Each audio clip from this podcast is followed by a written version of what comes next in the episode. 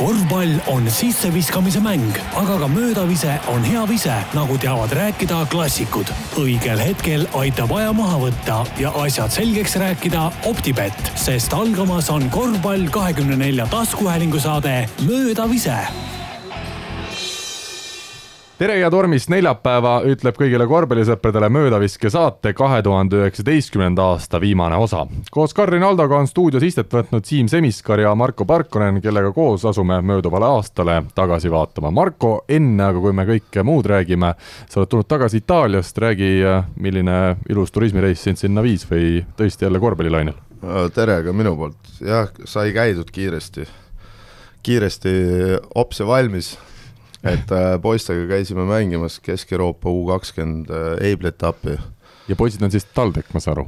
jah, TalTechi korvpallikool, kaks tuhat kaks sündib poisid ja siis no see trip oli nagu niimoodi hopsti valmis, et äh, et kõigepealt kolm tundi lennuk hilines, meil oli pandud niimoodi, et rendiautot pidime saama kell põhimõtteliselt ük-, hiljemalt pool kaksteist õhtu kätte pidime ööbima, hommikul hakkama sõitma Perugiasse viissada kilti.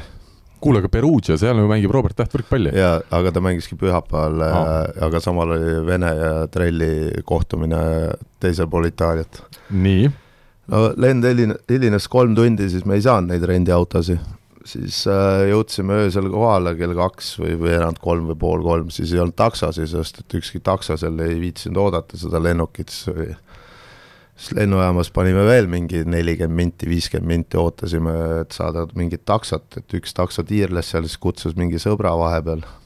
põhimõtteliselt jõudsime hotelli umbes pool neli, hommiku kaheksa start äh, autodega Perugiasse, sest et meil oli neliteist kolmkümmend mäng serblastega ja asja teeb veel põnevaks see, et ma saatsin sinna meili, et mu erisoov oli mängida serblastega ja siis tundus juba nii, et me ei jõua mänguks kohalegi aga noh, mulle meeldib öelda tavaliselt iga asja peale, et küll saab, noh. et siis äh, viskasime kildu selle, siis ma rääkisin poistele ka, sest nemad ei teadnud, et mina soovisin serblastega mängida, siis ma viskasin natukene huumorit sellest, nad olid ka rahul. ma vahele küsin, kas see on selline liiga, kus saab endale vastast valida? Nad küsisid mingeid erisoove, et noh, tegelikult ei saa valida, aga kas sul on erisoove, siis ma ütlesin igal juhul ma tahan serblastega mängida, noh. ja siis nad panid kohe esimeseks mänguks poole sõidu pealt äh, saatsin veel mingeid sõnumeid ja asju, ütlesin, me ei jõua ikka, noh, et lükake mäng edasi, siis nad tõstsid mängu, vahetasid seal mingid mängud ära, et meie mäng hakkas kuusteist, kakskümmend, täisminutid, seal on neli korda kümme võrreldes selle Ida-Euroopa eebliga. siis peale seda jõudsime sinna, panime mingit äh, lihtsalt makaroni sisse. mida tähendab mark-, makaroni sisseoleja, räägi ka korvpallisõppedele. no pasta pasta, ahah. Äh, al dente. et noh, ikka kõik, aga no meie jaoks oli see makaron. tõmbasime selle sisse, läksime mängima serblastega, siis selgus, et Serbia treener tuli sinna, niisugune korralik kuri vend tuli sinna, ütles good luck, siis vaatasime, äh, abitreener on ju kaheksanda kategooria treener, ainuke Eestis korvpallialas, et Märk Hermann, siis me kohe tõmbasime seal nagu natukene nalja ka enne mängu. nüüd vist on kõik. ja siis siis saite tappa. see vist tundus, et see on mingi Serbia kõige sitem, oi vabandust, kõige kehvem sats, noh.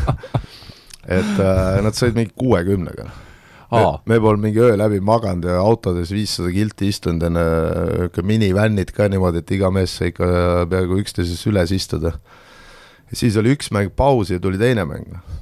et äh, neli korda kümme minti päris hea nagu panna siis saatsin kutid hotelli, et saavad veits pikutada, aga magada ei tohtinud, no ja siis teine mäng muidugi oli täiesti katastroof, saime seal lõpus sisse, pigem ma arvan, et see süü on minu kaelas, et ma natukene segaselt seal joonistasin neile mingi asja, mis neil läks meelest ära, iga kord, kui läheb meelest ära, siis ilmselgelt mina olen süüdi, noh. ja ütleme siis kaota, ütleme kuulajatele, et kaotasite Helsingi, Helsingi võistkonnale kahe punktiga. jaa, Helsingi NMK üle, kelle treener enne mängu kiitles, et tal on seal Soome koondise mängijad ja nii edasi, ja siis me lihtsalt nagu vaatasime, okei okay,, tore värk. järgmine päev siis panime kaks mängu veel, suutsime võita ja, ja siis pühapäeva hommiku kiiresti Varesesse, viissada kilti. viissada kilti üks ots no jaa, Peruusiast Varesesse on umbes viissada kilti, noh. ja siis kuna Siim Sander sebis meile ka piletid, nii et me saime põhimõtteliselt viisteist piletit tasuta. ma ei tea, kuidas ta selle välja sebis sealt, aga noh, terve satsiga lendasime peale, vaatasime, need seal poisid lärmasid ka, aga no see mäng, mis oli, see oli ikka omaette huumor, noh. nii ma ei, reaalselt me vaatasime terve mängu ära, ma ei saanudki aru lõpuks, mis mängu seal Itaalias mängitakse, et äh, niisugune tormavad, panevad peale, kaitset ei ole poolega, oli viiskümmend kuus, viiskümmend neli ja siis kõik... mäng oli siis Varese ja Pesaro vahel? jah, et äh, siis no Siimul muidugi ei läinud kõige paremini, sest tal väike käevigastus seal ja aga tegi kohe kaks viga enne, siis ta istus, kui sai väljakule enne, siis ta pani seal mingid punktid ära, siis tegi jälle vea enne, siis kogu aeg nagu pidi teda platsi äärde tooma, võib-olla ka mingi vigastuse pärast veits, aga ja siis no see, mis toimus see Pesaro satsil ja seal on uus treener, siis kolmveerand aega mingi vend ja põhimõtteliselt äh, trell ei saa nagu üldse löögile. et äh, ainukene mees, kes siis on platsil, no mis minu jaoks oli üllatav, et pandi seal mingi niisugune Juhan sisse, kes tuli, tuli väljakule vastas oli vabakad ja siis ta tegi mingeid võimlemisharjutusi seal, siis mul tuli kohe meelde see kuulus Kossu film White Man Can Jump, kus Woody Harrelson seal neegrite ees seal, või tähendab, mustanahaliste ees onju seal teeb igast jalapainutusi ja värke onju ja siis tuleb, laob kõik kotti. no tema kotti ei ladunud, ta lihtsalt jooksis nurgast nurka. ja, ja siis neljas veerand hakkab mingi pull peale, et see vend, kes kolm pool veerand aega oli kamandanud läks kuhugi pingi peale istuma ja siis tuli niisugune meeter neljakümnene kiilakas habemik, onju, lärmas, tantsis seal, onju, ja, ja mäng läks põhimõtteliselt täitsa käest ära, noh. Mõtlesin ka, mis show see siin käib, et mehed vahetavad siin rolle, onju, igaüks katsetab, onju, siis ma imestasin, et tabelis null kaotust on null võitu. või null võitu, jah. no minu jaoks, no tead, nad üldse tabelis on. no ja siis pärast küsisin, et aga kuna seal olid veel eestlasi, siis üks, üks mainis mulle hästi, et et ta kuskil roomas seal selle plakati taga, on ju, see lühike vend, on ju, noh, mulle tundus, et ta võis ka püsti olla, aga ja siis on, selgus, et see oli hoopis peatreener, noh. No mis kuradi tsirkus see niimoodi käib, noh, et äh, no ja siis juba nad saatsidki seal mingi päev jälle mingi venna minema ja tuli uus mees asemele, no ühesõnaga täielik nagu katastroof, noh et see on aga... nagu meie saate sissejuhatus. ja ma just tahtsin öelda, et meil on väga, väga tihe graafik siia paberile kirjutatud ja hetkel äh, viisteist minutit oleme juba sisuliselt miinuses. see lugu hakkab lõppema, ma saan aru. jaa, ei no oligi, vaatasime selle mängu ära ja siis äh, käisime, rääkisime Siimu ja nendega juttu ja oligi, oligi asi klaar ja siis järgmine päev tšillisid poisid niisama seal Milanos ringi ja, ja oli kõik pidu läbi, noh oota, kuidas, kas Siimuga siis pärast, kuidas tänapäeval käib noorkorvpallitel, lähevad äh, mängija juurde, kas teevad seda selfit või küsivad autogrammi või? ma mõtlesin küll, et kutsun satsi alla, et lasen pilti teha, et Trell ja Siim on seal peal, on ju, siis seal on mingid omad süsteemid, mingi mingi vend seal passis on ju, siis nad kogu satsiga käivad, plaksutavad seal, löövad käppa seal kõikidele ultratele, kõikidele fännidele, ju, siis tõmbavad kiiresti kuhugi minema, on ju, aga Pesaro sats läks niimoodi ära nagu no põhimõtteliselt mitte hanerjas, vaid lihtsalt olid üksteise järelene ja siis see meeter neljakümnene käis seal kuradi oma kontsakingadega järgi ja surus nad sinna kuradi kohe riietusruumi, et et noh, see plaan läks nagu veits nässu, nii et äh, seda ei õnnestunud teha, aga noh, küll, küll saab, noh selge, no ütleme nii, et meil Siimuga juba on äh, silmis pisarad, sest äh, nii mõnigi selles sissejuhatavas äh, osas, mõni koht selles oli ikkagi päris huvitav ja Markole omaselt selgitatud lahti ka nii, nagu ütleme, tavaline inimene seda ilmselt lahti ei seletaks. selge on see, et turniiril ta käis Itaalias ja nähti siis ka Varese ja Pesaro mängu. aga Siim, mina hakkan siin täna pihta natukene laiemast küsimusest, mis sinule aastast kaks tuhat üheksateist Eesti korvpallis Äh, kõige eredamalt meelde on jäänud, peale selle, et sa igapäevaselt teed kümneid korvpalliuudiseid? mina, ma arvan, tooks välja esiteks äh, Eesti koondise võidumängu Serbia üle, mis oli siis üsna aasta alguses, aga see on siiamaani meeles.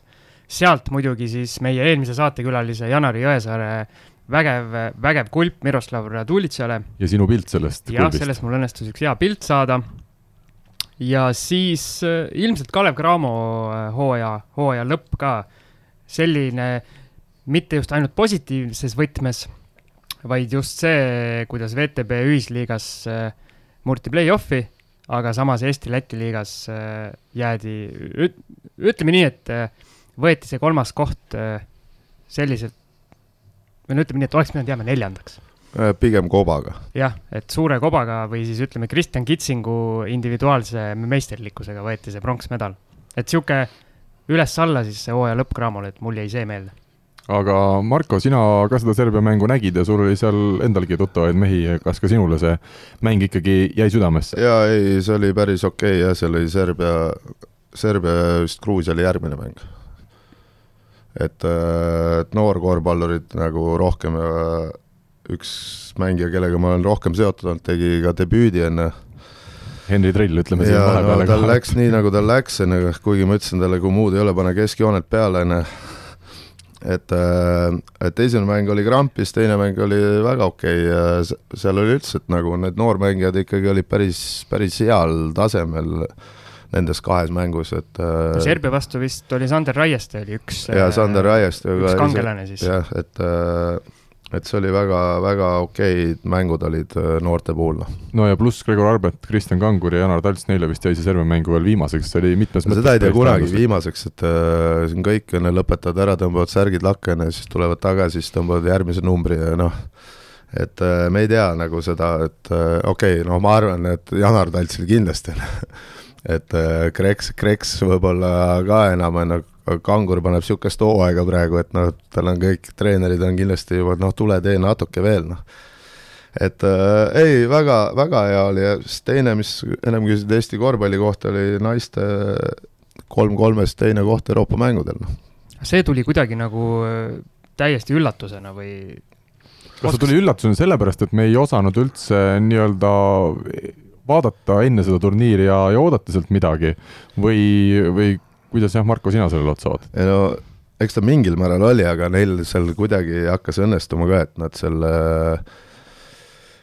ma vaatasin neid mänge ka kuskilt, ma ei tea ka isegi kuskohast ma neid mänge leidsin üles, siis sellest arvutist, kus sul pre... jaa, no selle, sellest ajast see puna, punase, see arvuti on nüüd punane tänu sellele, et et nad said seal paar magusat võitu isegi suht nagu halvadest seisudest, noh et nad ikkagi tulid välja seal ja siis kogu aeg niimoodi läks, eks lõpuks oli tuhhi pealt selle panidki ära ja nii edasi, et ma ei viitsi üldse niisugust juttu kuulata, et seal oli keegi puudu ja mingi riik oli nõrgem ja nii edasi, et vahet ei ole, igal pool tavaliselt keegi on puudu, noh, et et ma ei kuulnud eriti näiteks Kosovo MM-il, et Popovitš oleks rääkinud, et meil on siin sada meest puudu, et me sellepärast jäime seitsmendaks, on ju, et mängivad need, kes kohal on ja medal on medal, et Eestis on ikka ju igal pool räägitakse ära nagu et kui näiteks vaat-, võtame siin laskesuusatajad kuskil sõjaväelaste MM-il saavad pronksi või mis iganes, on ju, noh, et keegi ei räägi, et seal oli keegi puudu, noh. no lihtsalt sõjaväelaste MM-ist võib-olla nii kõvasti ei räägita no ma ei tea, minu meelest see käib kogu aeg läbi, noh. aga selge on see, et see oli tubli saavutus, ütleme need nimed ka siis veel ette, Annika Köster, Merike Anderson, Kadri-Ann Lass ja Janne Pulk äh, Eestile selle medali tõid.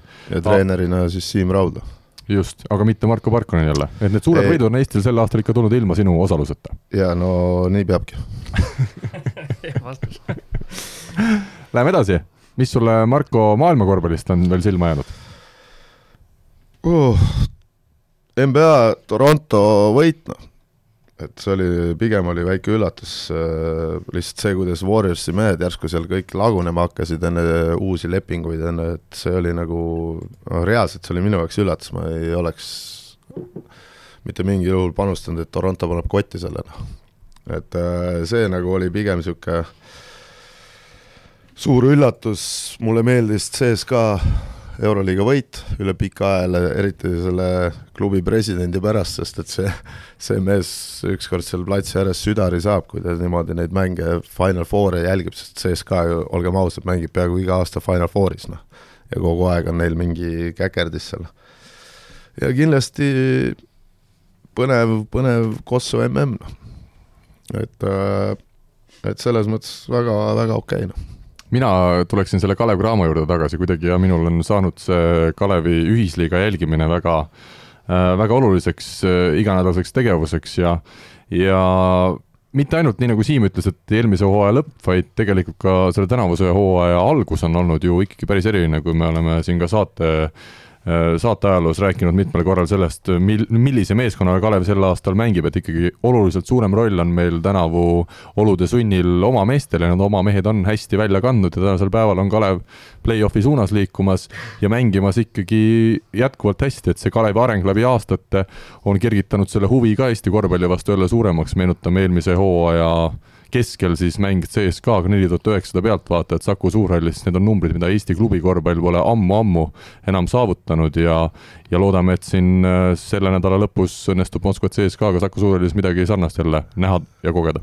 seal vist üks pluss oli see, et see mäng oli kas enne kakskümmend üheksa detsember. et kuna siis eriti sporti ei olnud enne aga ikkagi ikkagi, see näitab, et see huvi kuidagi on tagasi ja, tulnud. ja, ja siis järgmine mäng oli mingi kolm, kolmkümmend inimest, noh, et äh, ei ma niisama see on nüüd Marko statistika, seda meie ei kinnita äh, jõulude ajal, mitte minu statistikas, need, kes neid päid loevad Aivar Pohlak. ei, ei, et äh, jaa, on praegu hetkel vahepeal, aga jälle see, kui Graamo kaotas siin see kolm võõrsil mängu, siis oli kohe näha, et jälle äh, saalis oli vähem rahvast, nagu et äh, ma ei et äh, üks kaotus on ja siis ees, ah, ma ei, enam ei viitsinud, nad nagunii, nad saavad pähe ja nii edasi ja nii edasi, et nagu see ongi nagu suht nagu pointless, et äh, et ikkagi tuleks nagu, kui nad mängivad meeldivat korvpalli, siis nagu inimesed ongi need, kes sunnivad nagu neid äh, rohkem pingutama ja nii edasi, on ju, et aga kui nad mängivad niisugust niinimetatud nagu ka igavat korvpalli, on ju, siis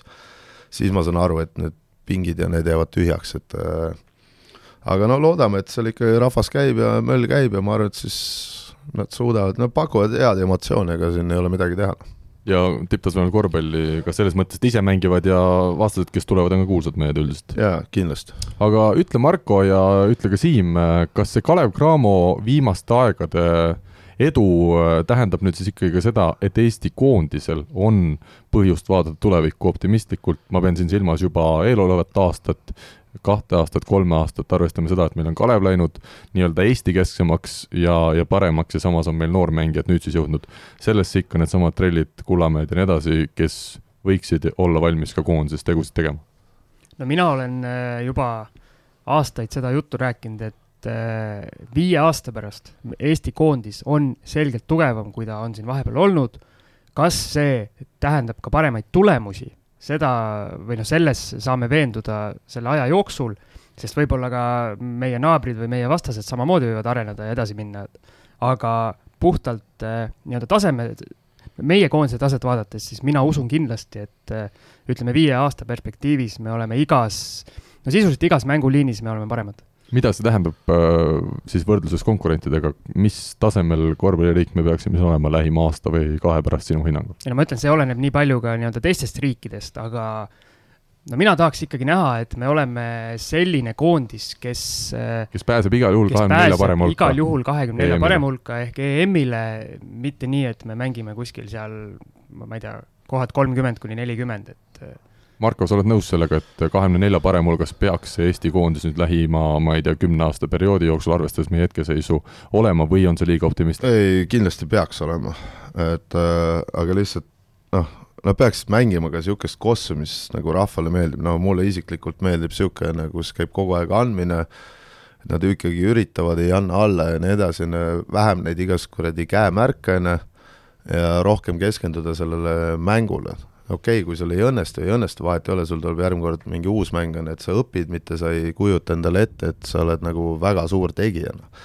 et see pigem ongi veits, aga ja kindlasti on see väga kasulik, et Cramo mängib, et see, kunagi võtsid selle sammu, on ju, et see on nagu, see selgelt tõstis mingil määral meie äh, ütleme, võib-olla teise taseme mängijate taset, kes said Cramos üldse trenni teha no,. meil on see Kristjan Kitsingu näide, mis on üha eredamalt tulemas esile, mees, kes mängis ja. aastaid Eesti sellistes teises, kolmandas, neljandas klubis, on äkitselt Kalev Cramos põhimees ja, ja see on kõik tänu sellele Kalev Cramo nii-öelda VTB-le. aga kui me võtame hetkel Cramot, siis ma ei saa öelda, et nad koondises nagu need mehed on, sest et nendel ikkagi VTB mängu, mänguaega on ikkagi üksikutel on, üks on Kangur, on ju, ta võib-olla enam ei tule koondisse, on Kitsing, Jõesaar ja siis on juba kes seal meil seal veel on? Ah,, okei okay, no, Sten, Sten, Sten Sokk ja Martin Torbek. jaa, aga neil kõigub nagu, okei okay,, Sten on see, kes on regulaarselt saab, aga ülejäänud meestel kõigub, on ju niimoodi, et äh, noh, ilmselgelt nad koondisele on vajalikud mehed, et äh, no Raiestet ei tasu jaa, aga unustada, et jaa, aga Raieste ongi see, et nagu tema on see, et ta saab ETB-s mängida, kuna ta on seal niisugune natukene ebakindlam, kui ta on äh, Pahvliigas, on ju, et äh, see natukene võib-olla mõjutab tema rolli ja nii edasi, et noh, ilmselgelt kindlasti on, nad õpivad midagi ja saavad kasu, nii et eks, eks pole enam kaua oodata.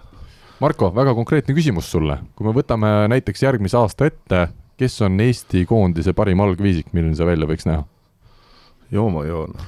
aga meil ongi selline küsimus, saade, kus me ikkagi küsime tarku küsimusi tarkadelt meestelt. parim algviisik, me isegi ei tea, kes kuskil mängib, noh. no et, nii, vabandused hakkavad tulema, aga ütleme, kas mängujuht peaks olema meil Kristjan Kullamäe ikkagi sinu hinnangul?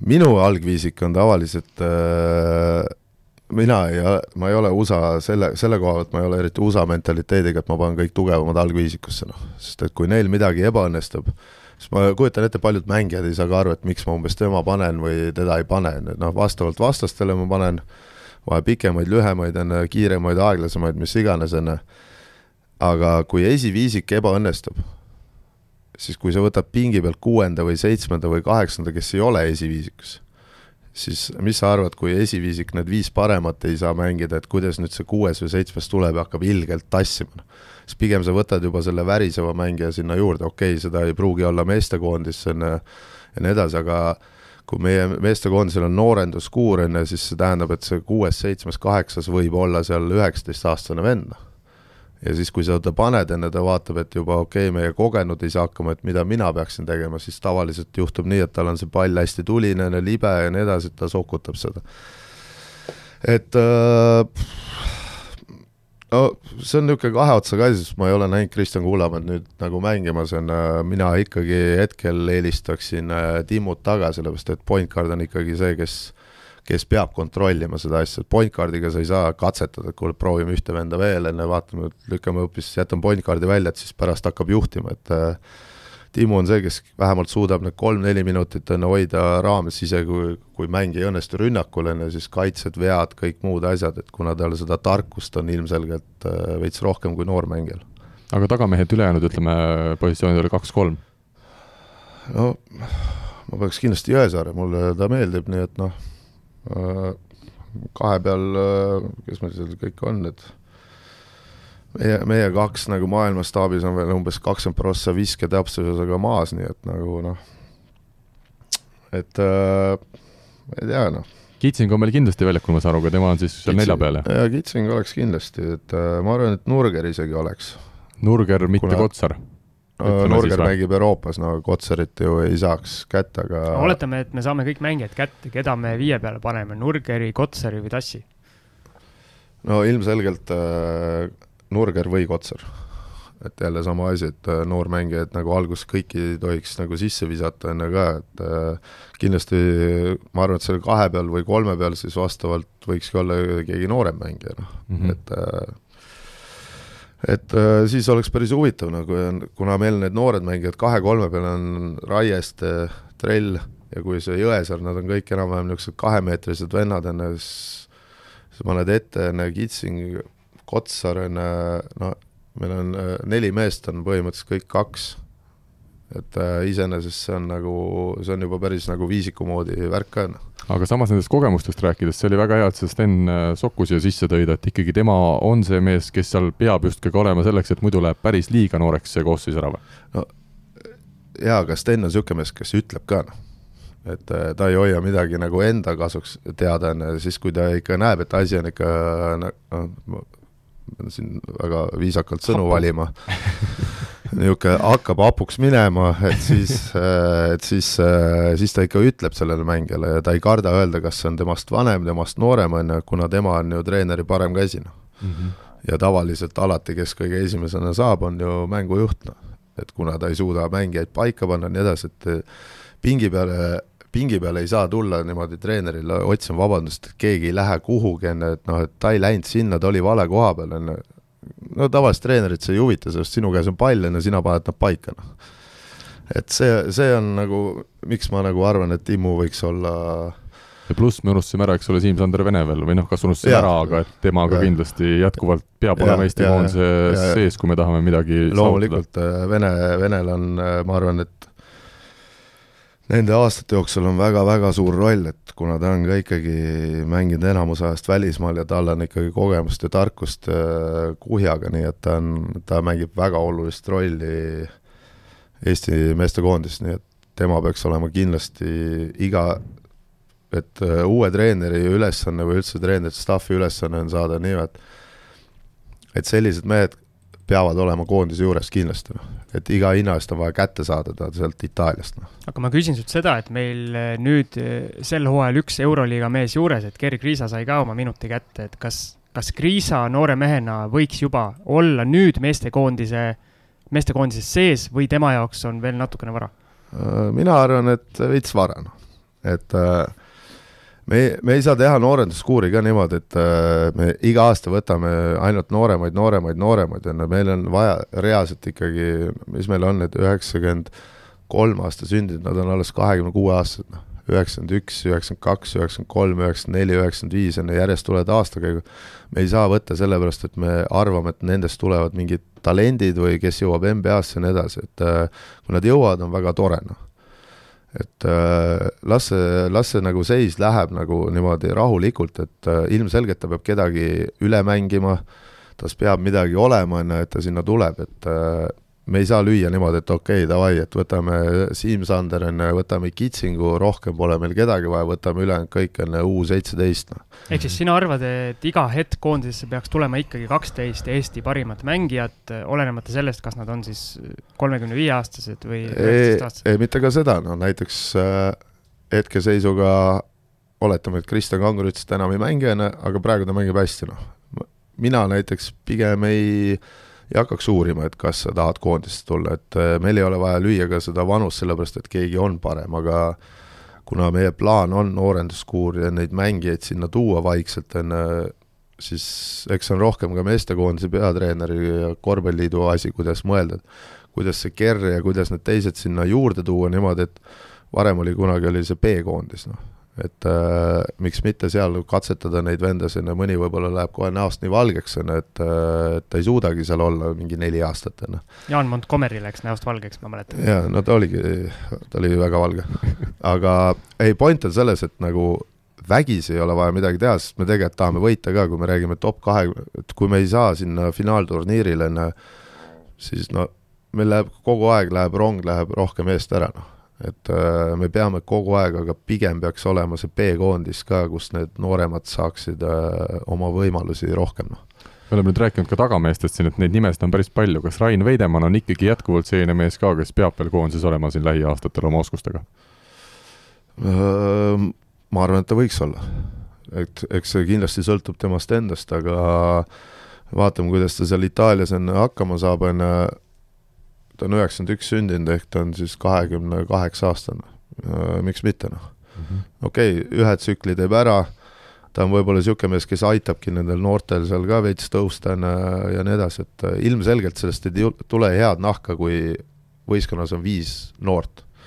et kui midagi läheb viltu seal mängus, siis on kõik, noh, see laguneb kohe ära, noh, et äh, okei okay,, kogemus kogemuseks, aga need noored pigem mõtlevad, et täielikune jama ja siis tuleb mängu see ajakirjandus, kes ütleb, et see on kehv, see on kehv, see on kehv, on ju, kõik kommenteerivad, on ju, et noh, see ei kõlba kuhugi ja nii edasi, et mis on nüüd järeldus, mis ma siit ise selle mõttekäigu äh, ja selle mõttelõnga seda kuulates äh, olen teinud, on see, et ega tänasel päeval Eesti koondises enam asja nendel meestel sisuliselt ei olegi, kes mängivad Eesti meistriliigas äh, kohtadele teisest edasi, sest kui me vaatame, keda me praegu läbi võtsime, need on kõik Kalev Cramo mehed või mehed, kes mängivad juba välismaal, olgu siis Euroopas kuskil või Ameerikas. ma arvan, seal tekib see olukord, et nagu sa ütlesid, osad mehed mängivad Ameerikas ja kahjuks see süsteem on selline, et USA mehi hooaja sees on sisuliselt võimatu kätte saada ja see Eesti mängijate pink nüüd nii pikk ka ei ole, et äh, meil on nagu ainult välisliigadest või Graamodest võtta igal hetkel need kaksteist meest. no kui me vaatame Eesti liiga või siis Eesti-Läti liiga resultatiivsemaid mängijaid tänavusel hooajal, siis äh, no jätame hetkel Joonas Järvelaneni ja Indrek Ajupanga kõrvale, kes siin esikümnes on eestlastest lisaks Rain Veidemannile, siis siin on üks nimi, kes võib-olla vääriks arutelu veel, Gregor Hermet, kas tema see tänavuse hooaja punktisaak, keskmiselt kuusteist punkti mängus, on tingitud pigem Tartu nii-öelda võistkonna nõrkusest või ütleb see seda, et Gregor Hermet ikkagi ka ei ole veel mees, keda tasuks ära unustada? ei no näiteks ta on ka ju uuema põlvkonna pigem mängija, et üheksakümmend seitse on sünniaasta, kakskümmend kaks on, miks mitte talle ikkagi anda neid lootusi, aga no see näitabki, et nagu kõik vaatavad, põhiasi, mida kõik vaatavad, palju keegi punkte viskas, no aga ma ütlen sulle, et kui sa Eesti liigas ka viskad keskmiselt neli punkti mängus, oled kahekümne viie aastane, no siis ei, ilmselt no, ei tulegi Marko. ta võib punkte, ta võib punkte visata neli, aga kui ta võtab enne kaksteist lauda kogu aeg too mulle üks näide, kes Eesti liigas äh, on nii alahinnatud, et tegelikult on tulemas supermees. ma ei viitsi neid nimesid läbi mõelda, aga aga lihtsalt point on selles, et sa ei saa võtta punktide järgi, sest et kui talle mängitakse mängus kakskümmend viset, noh. sellega ma olen nõus. noh, et siis sa ei saa vaadata, et keegi pani palju enne punkte, enne, aga ta läheb koondisse, võib-olla koondise treener nõuab nii, et äh, niinimetatud neljad ei viska üldse, vaid panevad katteid ja võtavad lauda, on ju, siis no siis on niimoodi, et ta läheb trenni, ta ei saa ühtegi viset, mis ta ütleb, et kuule, ma enam ei taha koondises olla või aga ajakirjandus ja kõik fännid hakkavad, kuule, et kuidas on see võimalik, et Tartus või Chicagos on ju, paneb kakskümmend sanga ja siis on no, koond, koondis viskab ainult ühe punkti, no mina, pigem ei saa ta aru. mina arvan, see on koondise treenerite asi, see ka ajakirjanduse vahendusel fännidele selgeks teha. me ju teame, et meie senini pea, peatreener koondisel Tiit Sokk ei ole väga jutukas mees. võib-olla siis ongi see, et uus Soome mees äh, hakkab seal nii heaks sõbraks äh, ajakirjanikega, et kõik jutud saavad selgeks no ma vaidlen selle koha pealt kohe vastu, sest et äh, ma arvan, et peatreener ei pea ütlema ajakirjandusele, et kuule, et ma mängin niisugust stiili, seda, seda, seda, on ju, et see mees võib visata, see mees ei tohi visata, et äh, see tekitab esiteks kohe konflikti võistkonnas. kui keegi kuskilt loeb, et näiteks on mängijate võistkonna sees tavaliselt on kõik asjad paika pandud. Nad saavad oma aru, ja nad teavad oma rolle, on ju, aga siin tulebki need äh, spetsialistid, on ju, noh, kui Leedus on neid, on mingi kolm miljonit treenerit, on ju, siis noh, me jõuame sinna milli juurde varsti. et kõik arvavad, et noh, tegelikult peaks nii olema ja nii edasi, nii edasi, et äh, no see on nagu üle nagu, nagu noh, mina, mina ei arva, et ajakirjandusele peab rääkima nagu neid asju, sest et siis on jälle, kui midagi ei toimi, on ju, siis võetakse kogu aeg sellest kinni, noh, et äh, näed, et, et see ei toimi ja see on nii rumal stiil ja nii edasi, aga kõik käib äh, ühest mängust no.. aga siis sa peadki leppima ju sellega, et inimesed arutavad, kui neil ei ole kogu infot käes, miks niimoodi tehakse, siis nad hakkavadki arutama omavahel ja ajavadki täiesti nii-öelda valed teemad täiesti nii-öelda soust'i välja ja noh. ja ega, ega, ega sellega ei olegi see on paratamatu ja fännid võivad rääkida, pigem küsimus, et ajakirjandus ilmselt äh, seda on võimalik natukene suunata või mõjutada. et ajakirjandus ei saa nagu äh, eriti veel neid noorme, nooremaid mängijaid on noh, me liiga kiiresti tõstame nad taevasse ja siis sama kiiresti tambime nad maa alla, sest et keegi ei saanud platsile või keegi viskas enne seitse viset mööda, on ju parem las nad viskavad mööda, enne kui nad üldse ei viska. see on tänapäevase meedia, kuidas ma ütlen, see probleem, et su iga järgnev pealkiri peab olema eelmisest võimsam. no ja teine asi on see, et kui meil tulebki Gerg Riisa, meil ühtegi Eesti mängijat hetkel korvpalli Euroliigas ei mängi NBA-st rääkimata, siis meil tuleb Gerg Riisa Euroliigas väljakule kas või üheks minutiks, see ongi juba suur asi, kuna meil ei ole millestki rohkemast rääkida, see on teine probleem, eks ole, kui me oleks kümme Strelni, eks ju, seal kuskil mängimas keskmiselt kaksteist punkti viskamas Euroliigas, me ei peaks sellest Riisast rääkima nii palju jah, ega ei, see on tegelikult Eestis nagu üldiselt, et siin on ka teised pallimängud niimoodi, et nagu kuskil kesk, kuskil korra midagi, midagi oli kuskil üldse sai, lendas lennukiga, siis me kohe kirjutame mingi räiged artiklid nädal aega, no et no vahet ei ole, aga lihtsalt point on selles, et noormängijad peavad kõigepealt trenni tegema, sest mida kiiremini neid haibitakse, noh, ma mäletan siin üheksakümmend kaheksa aasta sündinud poisid on U kuusteist Balti mere mängudena koondisel, siis tehti Õhtulehes tehti niisugune artikkel, peaplaanil kõik on, nüüd on pikad, on ju, üks oli kaks null kuus, teine kaks null seitse, on ju. siit tuleb, on ju. no mis siit tuli siis, peale turniiri üks mees lõpetas karjääri, on ju, teine venitas veel ühe hooaja, on ju, lõpetas ära, on ju, ja üks veel tiirleb kuskil, kuskil mingites liigades, on kõik, et siit tuleb, no mis sealt tuleb, no kannatage, no et äh, ei ole pointi nagu neid kiita, noh, sest liiga palju, noh. ma lihtsalt olen meedias töötanud koos Siimuga ja me teame, miks seda tehakse, sest seal ei olegi väga palju, kui sa tahad korvpallist kirjutada, sa pead ju millestki kirjutama ja kui sul keegi midagi kirjutage reeglitest siis selle jaoks me teeme podcast'i ja kutsume kohtuniku. ühesõnaga, me saame, eks ole, Marko mõttest täielikult aru, aga üritame siin omalt poolt anda selgitusi, miks ja, ja milleks mingeid asju vahel no, ilmselgelt ma pole nõus, aga no eks ma kuulan aga mulle meeldib see, Karl, et me ei ole veel tegelikult oma senise saate sisukorra juurde veel jõudnudki. no oleme ikkagi, pehmelt oleme, meil on selline saade, kus me saame alati natukese sidu, sisuga muutu, muudat-, muudatusi teha, siin igatahes äh, jah, teeme väikese kõlli, laseme inimestel kaks sekundit Marko jutust puhata ja siis paneme juba järgmiste küsimuste ette.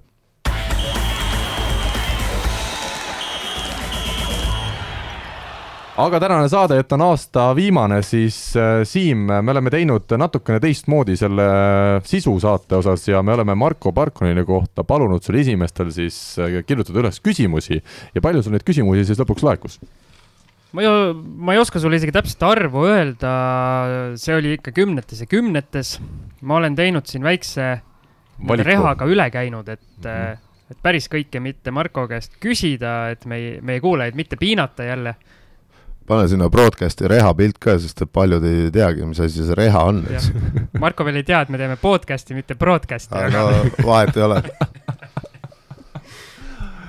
ma ei oskagi midagi öelda, lihtsalt lähme edasi lihtsalt. et hakkame küsima? no hakkame küsima, jah. kuna, esiteks ma ütlen seda, et äh, Marko hiljem valib parima küsimuse küsijale, tähendab, valib välja parima küsija ja sellele auhinnaks anname, anname Kobe Bryanti raamatu, äh, mis selle raamatu nimi oli, Marko, see on peaaegu sinu kirjutatud, ma tean. palju möödavisked? Äh, minu kirjutamisest on ikka väga kaugel, äh, mõtteviis oh ühesõnaga, et kuulajatele see nii-öelda lahti seletada, siis Marko aitas seal no, korvpallitermon-, ei no see on nii tähtis asi, seda peabki iga saade rääkima. seda küll. okei okay,, hea küll, lähme küsimuste juurde. esimene küsimus ongi selle raamatuga seotud äh, kui öeldakse, üks kogenud korvpallifänn ütleb, et, et temal on raamat olemas, et teda see ei huvita, et tema eelistaks auhinnana hoopis ühte eratrenni Marko Parkonenina, Marko Parkoneniga ja trenni ei tuleks mitte tema, vaid tema poeg. kas selline diil on ka võimalik uh,? kindlasti on. mis summadest uh, me räägime? mitu nulli? Ma, ma, ma ütlen ausalt, ma ei ole niisugune treener, kes ennast igal pool promob ja nii edasi, et et need mängijad, kes tahavad enne või soovivad teha, siis nad saavad alati minuga ühendust võtta. seni ma olen teinud ikkagi enamus, enamus trenne nagu niisama, aga see puudutab nagu mu oma, oma mängijaid, et lihtsalt mul on nii palju kõrvalt öelda, öeldud, et ma ei peaks nagu tegema tasuta, sest et ma olen nagunii kogu aeg teen tasuta, aga ei, seal ei ole midagi keerulist, et lihtsalt saab kokku leppida midagi ja nii edasi. väga hea. nii, järgmine küsimus. nimesid mainimata, milline on olnud kõige suurem tüli või ütlemine mõne noore korvpalluriga? minu arust, miks nimesid nimetamata, see ja kas sa võiksid mõne lausega kokku võtta, millest tüli alguse sai ja kui teravaks asi läks? Äh, no neid kahte küsimust ma tean, kuna need olid Facebooki ka kirjutatud äh, siis selle tüliga oli niimoodi, ma küsisin ka oma ühe võistkonna mängija käest Itaalias, et kuule, mis meie kõige suurem tüli on olnud, on ju. ja siis ta, siis ta nagu ei osanud kohe midagi öelda, ma ütlesin, et ma lähen sinna ra-, raadioshow'd tegema, et siis ma ei saa nagu, ma ei saa nagu võlgu jääda, jah? ja et ma pean mingi teema üles tõmbama sinuga, et ma mainin su nime ära muidu et äh, no see tülid on niisugused, et kindlasti on olnud ja neid palju, ma ütlen ausalt, kui ma lugesin seda küsimust, mul isegi ei suutnud meenutada otseselt niisugust tüli nagu, mis oleks olnud nii, et nagu kõik noh, et äh, ma, ma olen saatnud mängijaid trennist minema, aga see ei tähenda, et nad järgmine trenni või tagasi tulla, on olnud ütlemisi palju mängude ajal riietusruumis, peale mängu, enne mängu, trennides, nii edasi, nii edasi. aga lihtsalt point on niisugune asi, et äh, need kõik asjad klaaritakse pär-, reaalselt treeneri ja mängija vahel ära. okei okay,, nad on noormängijad, kui ei saa treener ja mängija hakkama, võib sekkuda lapsevanem, kellega võiks klaarida, ja kui ei saa hakkama, siis noormängijal on alati võimalus minna teise klubisse ja nii edasi, nii edasi, et et meil on see, meil on millegipärast niimoodi, et tahetakse kuskil meedias kogu aeg klaarida mingeid asju, no et Margol jääb see meedia kuidagi ette tänases saates. jaa, sest et äh, pigem on nii, et äh, ma pean ütlema, et ma ei, mul ei tule nagu väga niisugust võimast tüli meelde, ma tean, et osad mängijad on minu arust ära läinud, sellepärast ma olen liiga range trennides, et nad ei ole seda, sellega hakkama saanud, on ju, ja olgem ausad, võistkonnas on ka rii-, niinimetatud riietusruumi jutud, kõik tülid, asjad, on ju, tegelikult ei tohiks minna võistkonnast välja, noh. et neid klaaritakse ära, nii et öö, äh, otseselt ma ei oska öelda ühtegi mängijat aga see mängija, kes muidugi ära tunneb või ta teab, et tal on ilge tüli on, siis ta võiks mulle helistada. ei, ta võiks meile, meile, meile meili saata ja, ja tuleb, las tuleb saatesse. jah, räägib ah,, räägib lahti. et siis äh, lahendame selle tüli nagu otse-eetris. jah, et siis nagu sa just ütlesid, et meedias ja. mitte minna, et me ikkagi mõtleme, et kui, siis ja. kohe meediasse. raadiosse. jah, aga võtame järgmise küsimuse. see on nüüd, kui ma ei eksi, peaks olema üks sinu hoolealustest, praegune, kes küsib, mis on sinu suurimad plussid ja miinused treenerina. ilmselt ta ise pole sellele veel pihta saanud ma arvan, et ta sellepärast küsibki, et äh, eks nad ikkagi arutavad siis, kui ta on minu hoolealune. minu kõige suurem miinus on äh,, see on eriti, käib tänapäeva mängijatega, et äh, et kuna ma ei ole vist USA mentaliteeti ja niisugune äh, mentaliteet endale veel selgeks saanud, siis ma ei kiida mängijaid piisavalt palju. kas sa oled teinud muutusi selles osas? ja ma olen ikka kõvasti liikunud edasi selles suunas, aga aga ma olen lihtsalt äh, nii palju nagu näen olukordades kohe mingeid muid asju, et äh, et ma ei jõua nagu kiita ja kui ma ütlen nagu, kiidan mõnda mängijat, enne siis nad tavaliselt ei kuule seda, sest nad kuulevad alati seda, kui nad puid saavad, et äh, et äh, ma arvan, et see võib olla nagu kõige suurem nagu miinus treenerina, et äh, ja seda on mulle erinevad mängijad öelnud, erinevalt kõrvalt et isikud, sõbrad on öelnud, kes on mu mängu vaadanud ja, ja nii edasi, nii edasi, et nad ikkagi kogu aeg mainivad mulle, et sa peaks natuke rohkem kiitma ka, noh. aga, aga ma saan aru, et see tuleb järgi?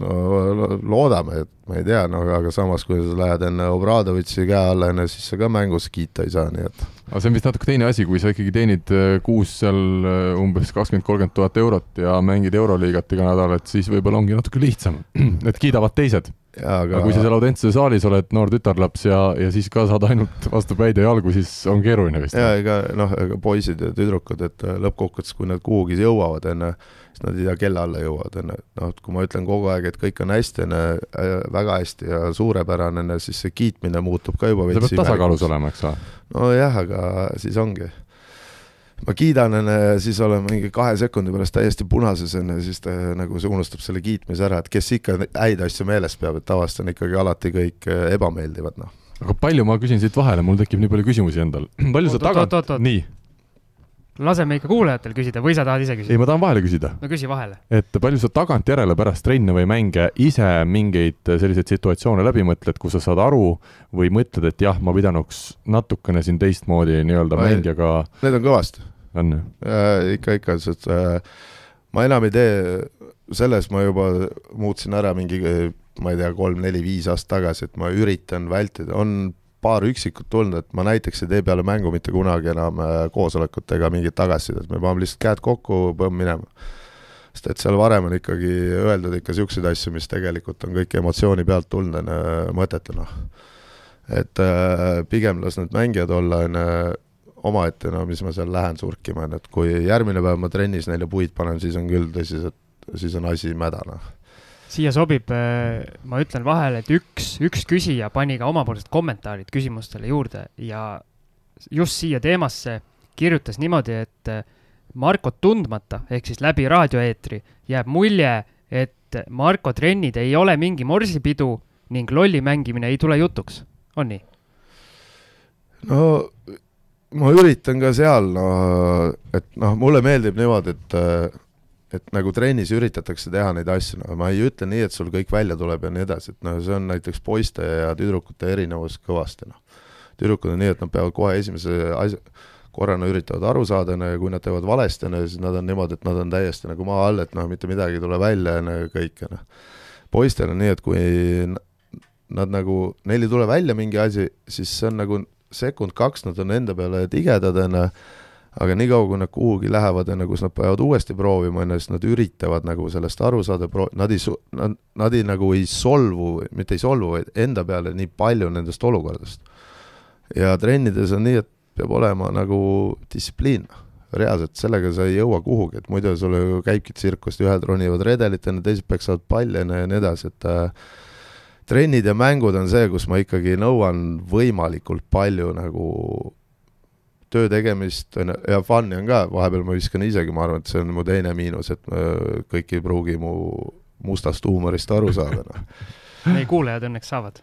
et, äh, et see, see on jah, ja noh, plussiks ongi võib-olla see, et ma ma tahan ennast võimalikult palju harida, õppida juurde kogu aeg mingeid asju, eriti neid teemasid, mida ma väga, väga koduselt ei tunne või mis iganes, on ju. kas selliseid asju on ka olemas? no kindlasti on, et seesama, see, et ma ei oska kiita, noh.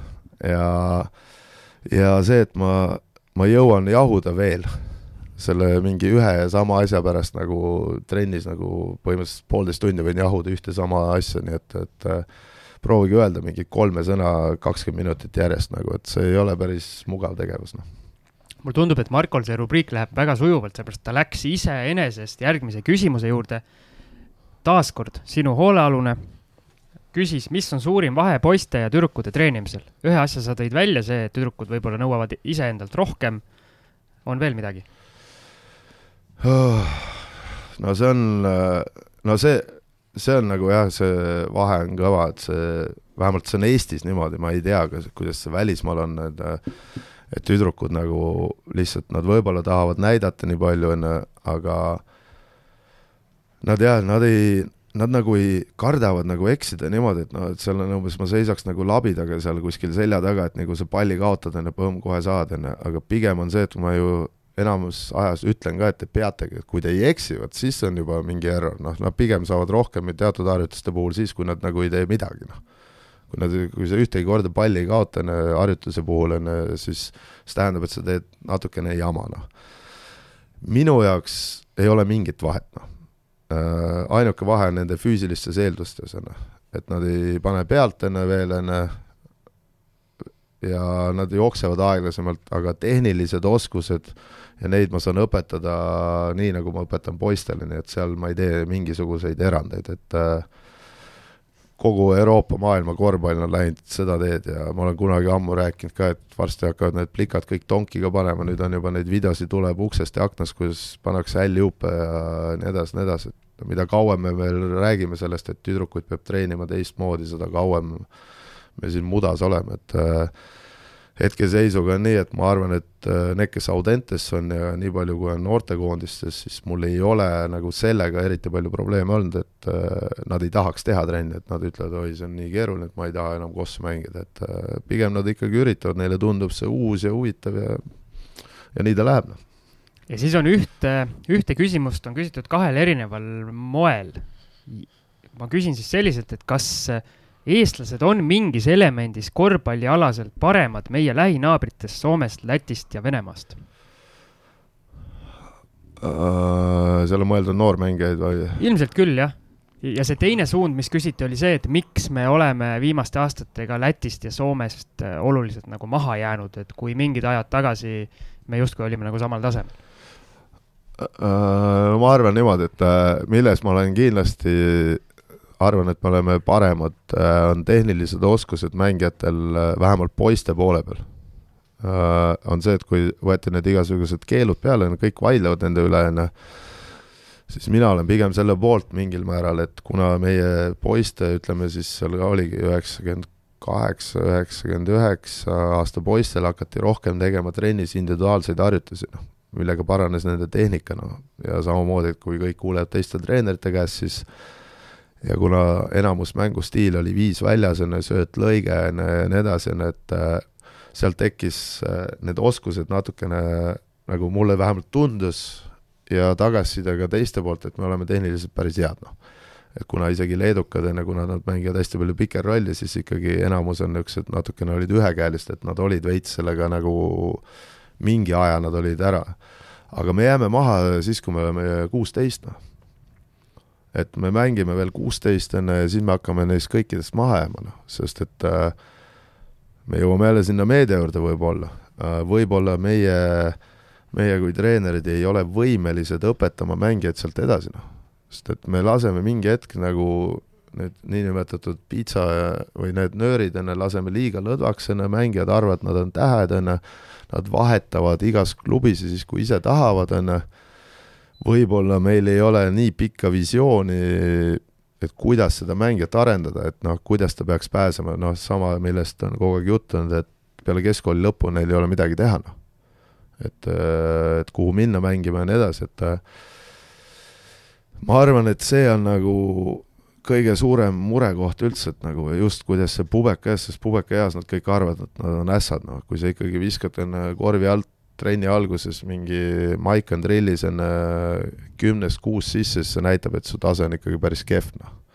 et, et sa ei saa nimetada ennast mängumeheks, seda enam, et kui sa oled iga turniir enne pandud MVP-ks, enne kogu aeg maailma parim mängija, treener ei julge sulle midagi öelda, enne need maailma parimaid mängijaid peabki push ima, noh, kõige rohkem, noh. et nendest midagi tuleks, noh. aga lähme edasi, mulle meeldib, kuidas Marko leiab nagu meie tunnustatud peaminister Jüri Ratas, ükskõik mis küsimus on, siis võib ükskõik mida rääkida, et äh, mulle see meeldib. nii, nüüd on üks lühike küsimus. kas kinga juures on tähtsam terav nina või krokodillinahk? Äh, see, ma tean, milles see küsimus on, kuna ma USA-st ostsin niisugused äh,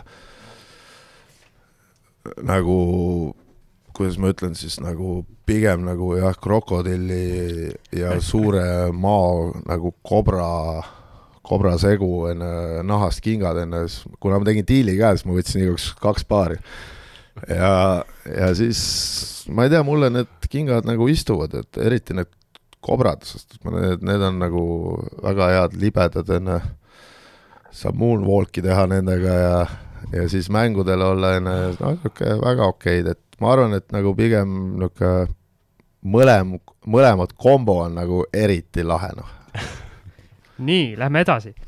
kui palju oled näinud oma treenerikarjääri jooksul selliseid noormängijaid, kus tegemist on üübertalendiga, üüber siis äh, suurte tähtedega, kuid suhtumise ja viitsimise taha on jäänud näiteks potentsiaalne Euroliiga karjäär? põhimõtteliselt igast aastakäigust võib neid järjest välja hakata tooma, nii et äh, neid on väga palju, noh.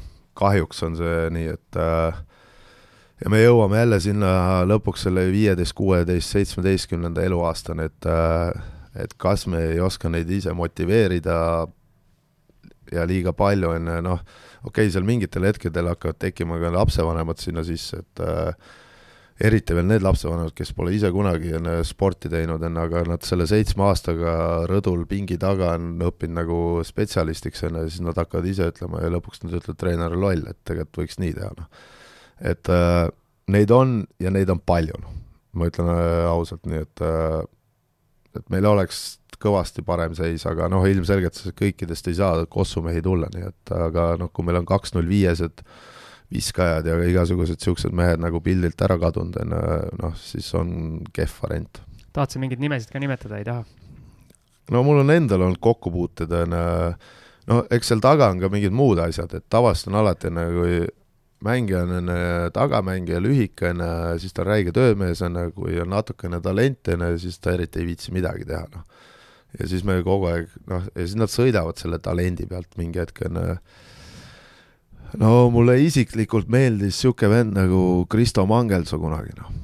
et äh, no kaks null seitse, viskab kolme kõik, on ju, aga kuna ta oli Viljandist tulnud, siis ta võistkonnakaaslased olid äh, noh, ta oli vahepeal, ta rääkis seal igast lugusid, ta oli mingi viiekeste trennis, kolmekeste trennis ja niimoodi nagu aastast aastasse, on ju, ja kuna ta oli niisugune talent, siis tal oli natukene lubatud, mitte midagi halvasti öelda seda treeneri kohta, aga siis seal olid igast olukorrad ja nii edasi, et noh, ja siis ta tuli lõpuks Audentesse on ju, ja siis ta mängis minu juures, noh, sama, ega ma lõpuks ütlen, et need Schleicherid ja näiteks Rinaldo oli niisugune vend, on ju, Kristjan Rinaldo, kes, kes mängis, kes mängis äh, Masu basketis, noh, ja ta oli Sasu Saliniga, ütleme U kuusteist olid täiesti võrdsed vennad, noh.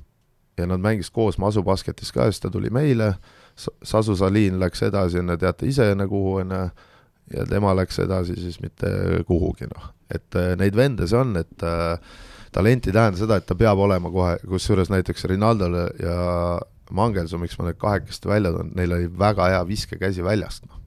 et Eestis on ju puudu põhimõtteliselt viskajad, noh, et mina mäletan, et Tartu suureks päästjaks pidi saama kunagi Asko Paade, kes ka nagu kadus pildilt. jaa, aga no ta ikkagi tiirles ja tema otsustas see, et ta ju tegelikult sai kutseid, aga ta ise ei läinud või ta ei julgenud minna ja nii edasi, et et neid vendasid on palju ja kahjuks on see nii, noh. et äh, aga loodame, et me suudame ikkagi vähemalt kümnest viis tükki Kossu juures hoida, noh. mina vähemalt tervitan siia vahepeal oma onupoega, kes on äh, jätkuvalt väga tore inimene, hoolimata sellest, et temast väga suurt korporaati ei tulnud. nii. ehk ta raiskas minu aega sama küsimus sisuliselt, aga teistpidi täpselt. Äh, samamoodi võid nimetada nimesid, kui sul on. kui palju on trennides olnud sul aastate jooksul selliseid mehi, kellest on näha, et mitte midagi ei tule aga mees tahab ikkagi täiesti hingest kõige rohkem ja teeb. ja ma küsiks veel juurde, et kui palju on selliseid, kus sa vaatad, et ongi täielik kaer, aga lõpuks sinuga üllatuseks tulebki korralik mängumees? seda vist päris ei saa nii või? ei, seda ei saa nagu öelda, noh, pigem, pigem nagu üritadki neid kõiki seal nagu hoida, sest et tegelikult need mehed, kellest ei tule, noh nemad on ju need, kes peaksid äh, ja mida rohkem seal niisuguseid vendasi on, nagu praegu see küsimus oli, et mida et mees pingutab ja pingutab, on ju, võib-olla ta ütleb ka, et ta tahab NBA-sse jõuda, on ju, aga aga reaalselt on ju, tas ei ole lihtsalt seda, noh. et kas... sina näed, et tal nii-öelda talenti ei ole, kas sa ütled talle selle välja ka või? no pigem ma üritan nagu mitte niisuguseid asju öelda, et kuule, et sa, tere, andetud, miks, miks te tulite, noh, et äh, kuna ta, kui ta on seal trennis, on ju, siis tema on see, kes push ib ju seda niinimetatud talenti, kellest loodad midagi saada. ja sa saad alati teha ju sellele talendile märkusi, et kuule, et see mees siin push ib, on ju, see talent saab ise ka väga hästi aru, et selles, see, see vend ei jõua kuhugi, on ju, võib-olla nad riietusruumis on rääkinud, ta ütleb, et mulle meeldib räigelt trenni teha, aga ma tegelikult ei taha korvpalluriks saada, noh. ja siis sa lihtsalt viskadki kogu aeg ette, et ja kujuta ette, kui sa oled võistkonna näiteks talendikam või parim mängija ja kõikide ees tehakse sulle märkus, noh. et see mees on, et teeb sinust poole paremini, võitleb palju rohkem ja nii edasi. ega see talent väga hästi seda äh, vastu ei võta, vastu ei võta, sest tal on päris ebamugav, et äh, kuna ta on ju võistkonna liider ja superstaar, on ju, et äh, noh, ma ei tea ka lõpuks, kas see on õige või vale, on ju, noh, ilmselgelt ei peaks seda võib-olla, noh, tänapäeval ei tohi enam midagi öelda, aga kui võistkond on, äh, võtab need reeglid vastu, mis sa oled pannud enne, siis see ei tekita mingeid probleeme, noh. et äh, ja kui sa tahad kuhugi jõuda, siis sa pead kannatama ikkagi asju ära ka, noh. ja tõstame veidi tempot, meil on mõned küsimused veel sult küsida. mis sind treenerina kõige enam kettasse ajab oh, see vist tundub, äh, see vist tundub, võib-olla jälle tegemist minu kellegi õpilasega või see... ei tohiks olla, aga samas ma ei tea, see on nii-öelda varjunime all küsitud. okei okay seda rohkem ma arvan, see on mingi õpilane. jah, ma arvan, et see võib olla ka mingi, see võib olla niimoodi, et see, ma võin selle natukene sinna miinuste juurde ka panna, sest ma, ma olen niimoodi, et ma kannatan, kannatan, kannatan ja nagu täiesti punasesse, siis läheb mingi sekundiga, noh. et nagu mitte ei kogu, et noh, nüüd ma vaikselt hakkan häält tõstma iga sõnaga ja nii edasi, vaid on niimoodi, et oled, oled, oled ja siis on kõik, noh uh, no eks no, see on ju, kui keegi mingi lolluse teeb. pigem on niisugused asjad, et kui, kui sa nagu räägid, räägid, räägid ühte asja, ja kogu aeg sa näed, et seal ei ole trennis seda, seda nagu energiat seda sees, on ju, ja siis need mängijad on seal niisugused noh, teeme või ei tee, on ju, no siis see lööb mind täitsa rivist välja, noh. ja noh, eks on ka mingid niisugused, et kui sa küsid mängija käest, et kas said aru, kui ta ütleb sulle, et jaa, ma sain aru, on ju, siis läheb, paneb, on ju, noh, kui sa ütled näiteks, on, et kõnni uksest välja, näed, uks on lahtine, kõnni uksest välja, on ju, siis ta ütleb, said aru, jaa, ta läheb teise poole, paneb peaga vastu seina. et eh, no ja siis selle pealt on kohe nagu täitsa kuule nagu..., aga küsimus päris aus, ma olen ka käinud erinevates treenides ja pole ka tihti mitte millestki aru saanud kui sa kaks korda küsid treeneri käest, võtad julguse kokku, küsid, et näed, kuidas sa nüüd seda mõtlesid, kuidas me peame siin lahendama, siis kolmas kord sa võib-olla lihtsalt ei julge enam küsida sest sul tundub endal juba piinlik, et kuidas ma nüüd ükskord aru ei saa. jaa, aga seal on point on selles, et noh, see ongi, et kui sul on endal piinlik, on ju, siis, aga kui sa aru ei saa, siis sa ju tegelikult rikud ju kogu, kogu seltskonna tööd, et äh, mul, ma ikkagi üritan anda mängijatele ka niisuguseid asju või joonistada neile liikumisi ja asju, kus nad peavad nagu õppima, kuidas need asjad käivad, noh, trennides on ju, et noh, mingi lähed jälle, joonistad mingi Audi enne, mingi vend peab nagu proovima kellegi peale, mis iganes. ja aga ma ju tavaliselt küsin ise mängijate käest, kas kellelgi on küsimus, kas kõik said aru enne ja nii edasi, et mõnikord küsitakse enne, aga ma ei ma ei saa nagu rääkida nendega niimoodi, et kuule, et kas kellelgi on küsimusi ja siis ma panen nelikümmend viis minutit lihtsalt arutama seda olukorda, et äh, pigem, pigem nad peavad aru saama ja mõni asi, mis on nagu kümneid kordi läbi käinud, kas kõik said aru, siis kõik vaatavad niimoodi, jaa, siis ma saan juba kehakeelest aru, on ju, siis ma mõnikord tegelikult lasengi meelega, et okei okay,, te saite aru. siis ma tean, et nüüd tuleb kohe mingi katastroof, no ja siis läheb lappesse, no ja siis on põmm, joone taha, teevad kiire edasi-tagasi, et saaksid nagu mõelda ja siis küsin uuesti. meie saatest on korduvalt välja tulnud, et äh, sa oled väga agar korvpallivaataja ka televiisorist ja erinevatest nutifonidest või ma ei tea, kuidas neid nimetatakse. ma pigem üritan telekast vaadata võimalikult Nii. palju. Noh. küsimus selline, kuidas hindad Euroliiga ja NBA kommentaatorite taset Eestis? on nad asjatundlikud või ajavad nad häma või kuivõrd see üldse su kõrva riivab? kui Ai. keegi ajab ikka täielikku sousti suust välja. super, mul on nii hea meel, et ma ise ei ole kunagi Euroliigat NBA-d kommenteerinud no,, sa ei saa minu kallale tulla. ta ikka häirib. Ma ütlen ausalt, et äh, see ei ole ainult Eestis, aga Eestis nagu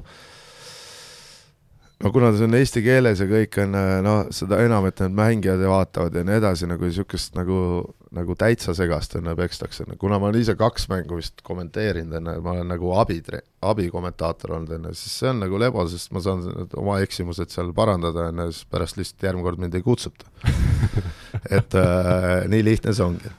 Aga see häirib kõvasti noh, et äh, millest puudu jääb siis? Ikkagi, kas sellest arusaamast, kuidas no, mäng käib? jaa, seal noh, eriti nagu mind häirib need faktide teemad, noh, et kui seal pannakse mingeid fakte nagu lampi visatakse no, igasuguseid mingit olukordadest, siis ega ma eriti ei poolda näiteks seda, kui tambitakse nagu mängus kohtunikke, noh, sest kui mina vaatan mängu, on ju, kohtunik võib eksida või jätab midagi vilistamata, on ju, siis äh, ja kui hakkab kommentaator rääkima, et näed, viga, puhas viga on ju, tegelikult võib-olla ei olnud viga, võib-olla oli mingi väike viga, võib-olla oli mingi jooks, mida kohtunik on, äh, ei vilista, kuna see ei mõjutanud mängusituatsiooni ja nii edasi, on ju, kui kommentaatorid hakkavad kõrvalt seda ka rammima, noh, siis on niimoodi, et äh, see häirib minu mängu vaatamist, sest et tavaliselt öeldakse, et kui kohtunikud ei paista silma, siis see on nagu väga hea mäng, noh.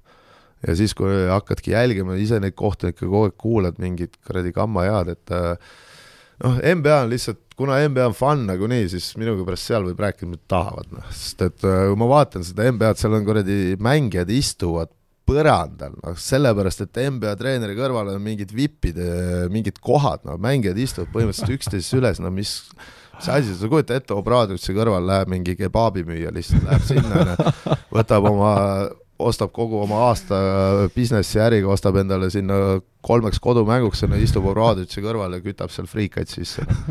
et umbes ütleb Oradžitšile, kuule, et seisa püsti, et mul on siin vähe ruumi. no ja NBA ongi niisugune, nii et minugi pärast seal võib panna mis tahes, noh kuule, meil on jube kiire. ja viimane küsimus. ja kiire vastus. on sul treenerina juhtunud midagi naljakat, mida tihtilugu ikka meenutad? Kas panid näiteks kuskil konkreetselt ämbrisse või midagi sellist? Need ju iga hooaeg tuleb neid aina juurde, noh. et ei no kindlasti on igasuguseid variante, no ma saan aru, et ma peaks rääkima midagi või no.? jah, võta viimane siis, kui neid palju on. ei, kõige parem ikka. Neid on, neid on kõvasti, noh. no ma panen näiteks niisuguse, et äh, ma olen võtnud niimoodi time-out'i mingi kolm sekki enne veerandaja lõppu, võtsin time-out'i, joonistasin mingi räige liikumise onju ja siis äh, ja siis selgus niimoodi, et hoopis vastane sai oma ründealast, et joonistas mulle ja ma sain lay-up'i nagu ta hoopis, arvasin ise, et tulen sealt kähku üles kõik kolme katte pealt ja saan kolme või kahes panna, ja siis selgus nii, et sain ise hoopis kahese tuppa noh siis noh, igasugused, ma olen Lätis saanud. aga kuidas, oot-oot-oot, aga kuidas sa siis reageerid, nii mängijad tulevad siis tagasi, kolm sekundit on läbi saanud, teate, saad korvi hoopis sisse, kas mängijad viskavad no, kohal nalja või? ei no eks nad ikka kõik saavad aru, et endalgi on lõpuks naljakas, kui vennad lähevad väljaku peale, vaatavad, mida värki, noh, joonistad enne nagu Picasso paned, et endal ka nägu on seda markerid täis onju seal kõik onju siis vaatad, et ops noh. ja see Läti treener, kuna ma tean ka teda onju, siis ta pärast ütles ka, et kuule, ta poole ajal, et noh, päris hea time-out oli, et ma saingi proovida mingeid asju, ma ütlesin, no võta heaks noh. et no ei no siukseid käkerdisi tuleb ikka endal ka, ega mis seal ikka noh. ikkagi inimene. nojah, kui ei eksi, ega siis, ega siis ei ole midagi teha noh aga valime nüüd parima küsimuse ka kiirelt. ma päris mäletan neid küsimusi oota, mis siin head oli? kingaviks oli või mis see kinga mingi nina või see krokodill oli? mõttetu. see on mõttetu, okei. see on mõttetu, nii. ma isegi tean, kes seda küsis, nii et see mingi peaks olema keegi. sinna raamatut ei lähe? ja sinna ei lähe mingit raamatut, see, see võiks, see vist võib olla mingi noor kohtunik Jörgen, kes isegi ei viitsi sooja teha enne mänge tõsi, tõsi. nii, aga läheme nüüd kiiresti, mis on parim küsimus uh.? Übertalendid, äh, andetud, mis vahe on poistel-tüdrukutel, suurimad plussid-miinused? ma arvan, et see võib-olla poistel ja tüdrukutel. väga hea. et see on, äh, kuna see on nagunii kogu aeg mingi teemaks olnud aastaid ja aastaid ja et ma arvan, et see on kõige parem, nii et mina, minu arvamus on see, et ei pea tegema suurt äh, vahet sellele. sinu hoolealune Maria-Anette Sepp oli küsija. nüüd ta on võlgu mulle raamatu ta peab sulle selle tooma. mul on see raamat olemas, nii et ma seda ei taha, aga no eks ta jääb nüüd võlgu, siis kusjuures ta on mul võistkonna kapten ka, siis ma pean talle lisaülesandeid panema sellest, et Õige. ta võitis selle auhinna. kas sa autogrammi ka sisse paned äh, raamatusse? maksab kõik. selge. ma igaks juhuks kuulajatele ütlen, et mingit kokkumängu ei olnud, äh, Marko tõepoolest ei teadnud, kes küsimuste küsijad. mina ütlen, ärge raske, ärge laske Markole autogramme sisse panna, sest raamatu väärtus kohe langeb kõvasti. jaa, sest et ma võin valet pidi kirjutada, ma just rääkisin jah, aga aitab küll ja läheme veel kiirelt oma viimaste rubriikide juurde. küsimusmängu toetaja on teamshield.com oma disainiga spordi ja vaba aja riided. Siim, küsimusmäng ja annan sõna jälle sulle. jah eelmises Team Shieldi küsimusmängus tahtsime teada, mis on Janari Jõesaar, kes meil siis stuudios külas oli, mis on tema punktide ja lauapallide rekord äh,, rekordid VTB ühisliigas. see oli selles mõttes natuke trikiga küsimus, et mees tegi need mõlemad rekordid umbes nädal enne meie saate salvestust, ehk siis see pidi olema üsna, üsna hästi veel inimestel meeles. aga ei olnud? võib öelda nii ja naa, meil tuli ka valesid vastuseid mitmed inimesed pakkusid ilmselt ta eelmisi rekordeid ja siis keegi ajas äh, sassi punktid ja efektiivsusteguri. kuule, aga üks äh, küsimus, meil on äh, võrkpallisaates on alati üks vend, kes sisuliselt iga saade vastab valesti küsimustele, kas korvpallisaates niisugust venda veel ei ole kujunenud välja? meil sellist vastajat välja kujunenud ei ole, et mõnel lihtsalt läheb mõnikord lappesse. Väga hästi öeldud. Õigeks vastuseks oli siis kakskümmend kolm punkti ja kolmteist lauapalli ja Jõesaar tegi selle Krasnojarski Jenissei vastu ja kaksteist õiget vastajat, palume siis Marko, ütle üks kuni kaksteist number. paneme kümme. number kümme, Marek Trei. palju õnne! saab mis asja? Äh, Team Shieldi erilahendusega korvpalli kahekümne nelja võistlussärgi võib nii öelda, nii et kui juba kõigil sõpradel, ütleme viiel näiteks on koos see särk, siis saabki panna tiimi välja ja hakata kenasti võite ja kaotusi noppima. senikaua peab vastama kõvasti. just, ja uus küsimus. sel reedel Rakvere ja Tartu Eesti-Läti PAF liigas omavahel vastamisi, küsime väga lihtsa küsimuse kes kõige rohkem punkte viskab ja kui palju, kes kõige lähemale saab või suisa täppi paneb, sellele läheb siis uuel nädalal sama auhind, vastused saab, vastused, vastused saab saata info, et korvpalli kakskümmend neli punkt ee või korvpalli kahekümne nelja Facebookile sõnumitesse. Marko Parkonen juhatab ja meil on aeg võtta ette saate viimane osa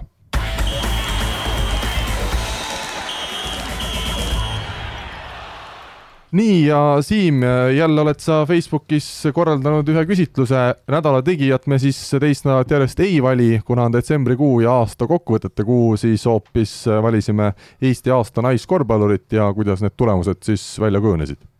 kui eelmine saade selgus meil Eesti hetke parim korvpallitreener, siis sel korral äh, küsisime inimeste käest, kes on lõppeva kalendriaasta parim Eesti naiskorvpallur. no Marko, kes on, mis sa arvad?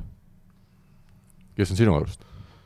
minu arust see küsimus oli sihuke imelik, sellepärast et äh, mina Marko vastust tean, sest tema pani kõigidele kõikidele pani oma poolthääle. ja ei no lihtsalt kuna üks hooaeg ja teine hooaeg, et see on nagu kaks poolikut hooaega, et see on raske nagu valida välja, aga ma olen kõikide poolt, kes seal äh, olid, nii et.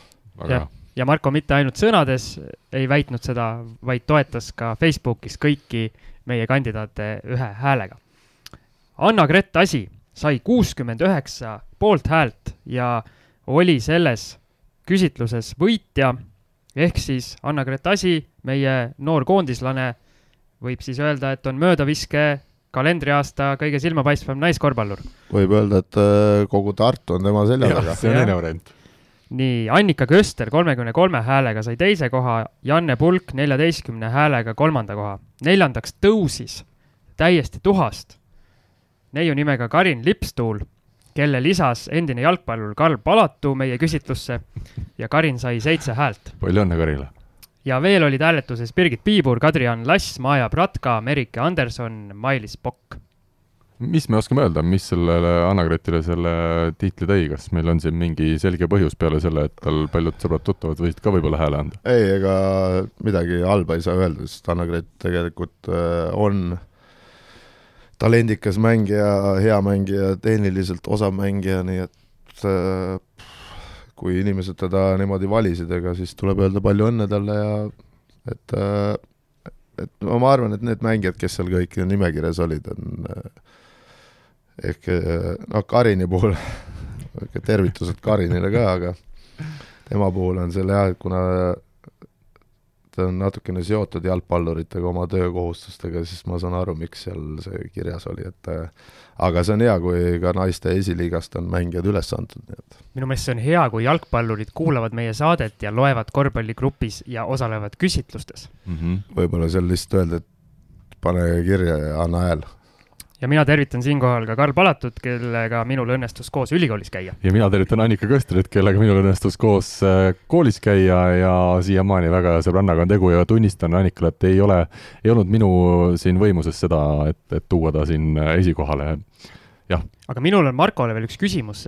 oota, ma igaks juhuks ütlen, et äh, Karl valetab nii, milles? et see Annikale kohta, et sa oleks saanud äh, oma sõpradele helistada ja pange hääli ja ongi kõik no,. aga okei okay,, las see jääb, küsi ära. minul on niisugune küsimus sinule, et äh, Anna-Grett Asi puhul, tema tuli äh, Eesti naiste korvpallis hästi-hästi noorelt, tuli pildile. samamoodi nagu mina mäletan, kunagi tuli ka Tartust Merike Anderson ka samuti hästi noorelt pildile, mängib siiamaani kas sinna võib mingi võrdusmärke panna, on see niisugune meelevaldne natuke võrrelda või mis sa arvad?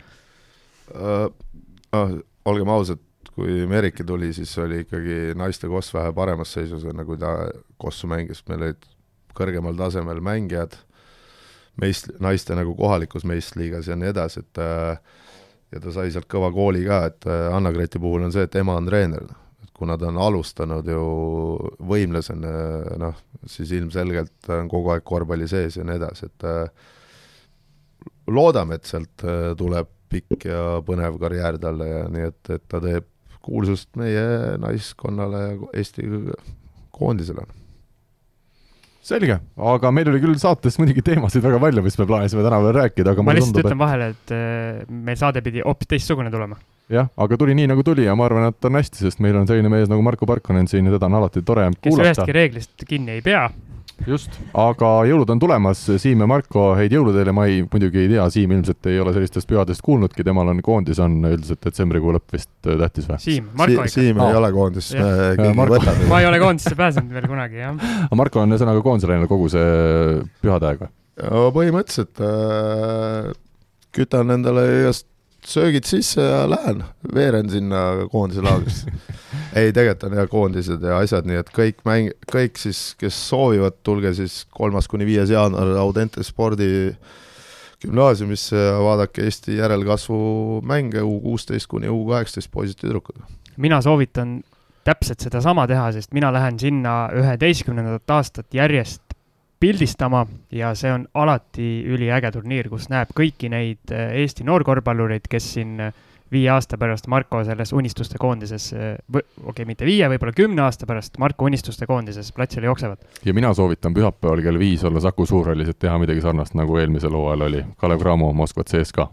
ja laupäev-pühapäev on ka Jüris on noorte karikafinaalid, nii et mida saab vaadata koha peal ja isegi mingi nutiseadmega. ja ma arvan, Marko võiks mõne oma trenni aja ka öelda, et kui keegi eelmistele asjadele ei jõua, et siis võib-olla Marko juurde trenni saab mõne pealeviske teha uh,. või möödaviske? möödaviske uh, me ei, las see jääb. las see jääb, meie soovime kõigile kuulajatele ilusaid jõule, ilusat äh, aasta lõppu. Võtame siis kahe tuhande üheksateistkümnenda aasta meie kokku ja kohtume uuesti juba uue aastanumbri sees. aitäh ja ilusat päeva jätku! Kuulmiseni! kõike head!